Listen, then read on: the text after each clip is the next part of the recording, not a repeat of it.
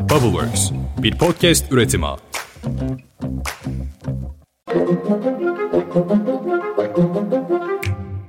Merhaba, 5 dakikada dünya gündemine hoş geldiniz. Bugün 25 Kasım 2022, ben Özlem Gürses. Hadi başlayalım. Bugün 25 Kasım, Birleşmiş Milletler Kadına Karşı Şiddetle Mücadele Günü. Birleşmiş Milletler verilerine göre geçen sene dünya genelinde bir saat içinde 5'ten fazla kadın eşi ya da ailesinden biri tarafından öldürüldü. Yani bir yıl içerisinde 81.100 kadın katledilmiş. Üstelik bu cinayetlerin neredeyse yarısından fazlasının faili kadınların en yakınındaki kişiler. Bir eş, bir baba ya da bir sevgili. Kadınlar yaşasın, yaşam kutsansın diyoruz bir kez daha.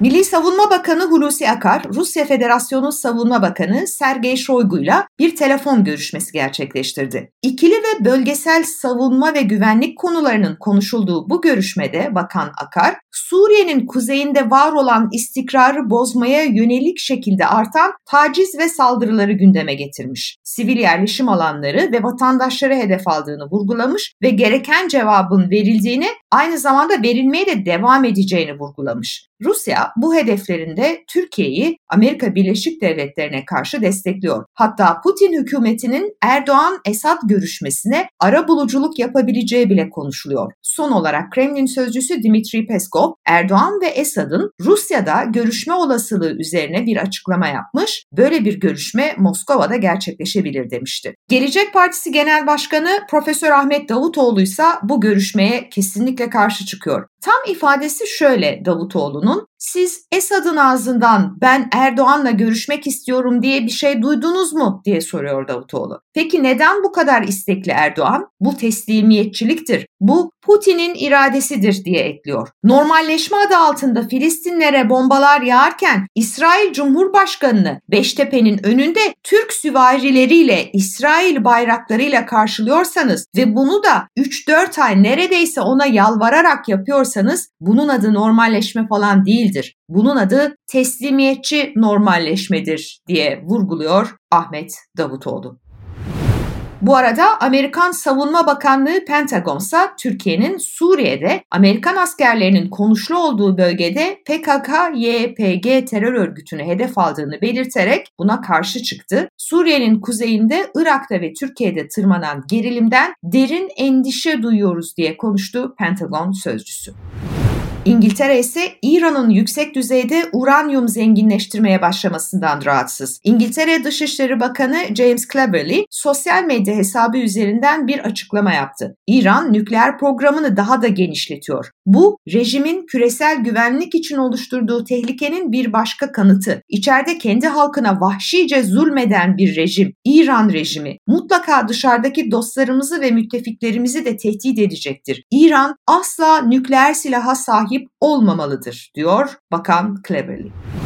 Dünyanın en büyük ekonomisi Amerika Birleşik Devletleri'nde Çalışma Bakanlığı'nın açıkladığı veriler tek kelimeyle vahim. Bakanlık verilerine göre mevsim etkisinden arındırılmış işsizlik maaşı başvurusu rekor kırdı. Yapılan başvuru sayısı toplam olarak 227 bin kişiye ulaştı.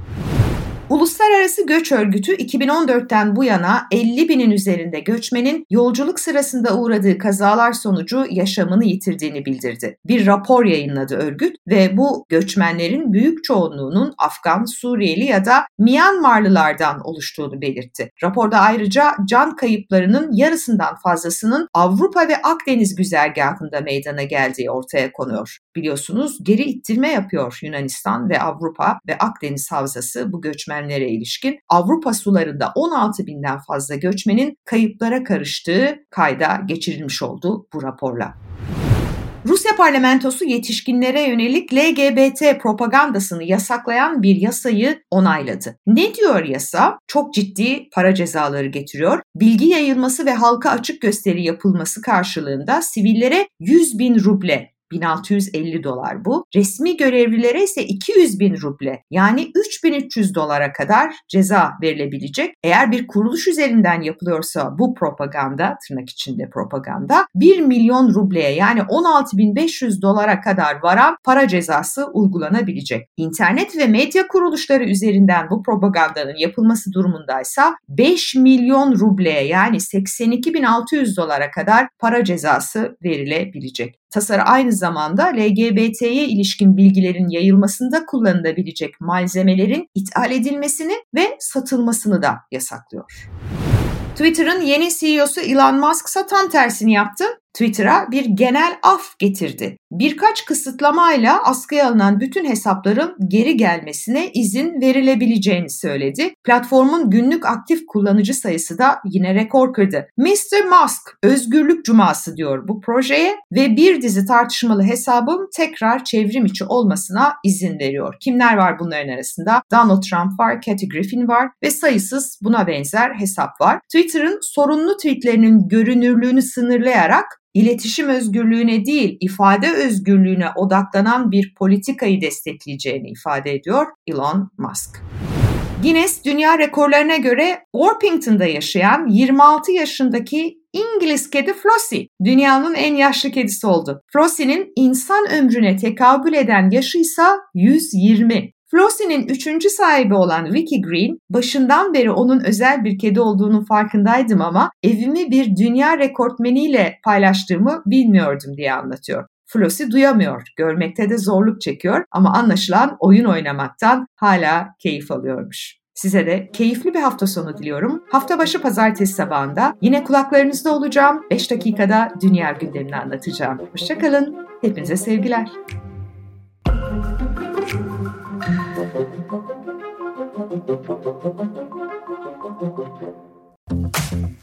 Bubbleworks bir podcast üretimi.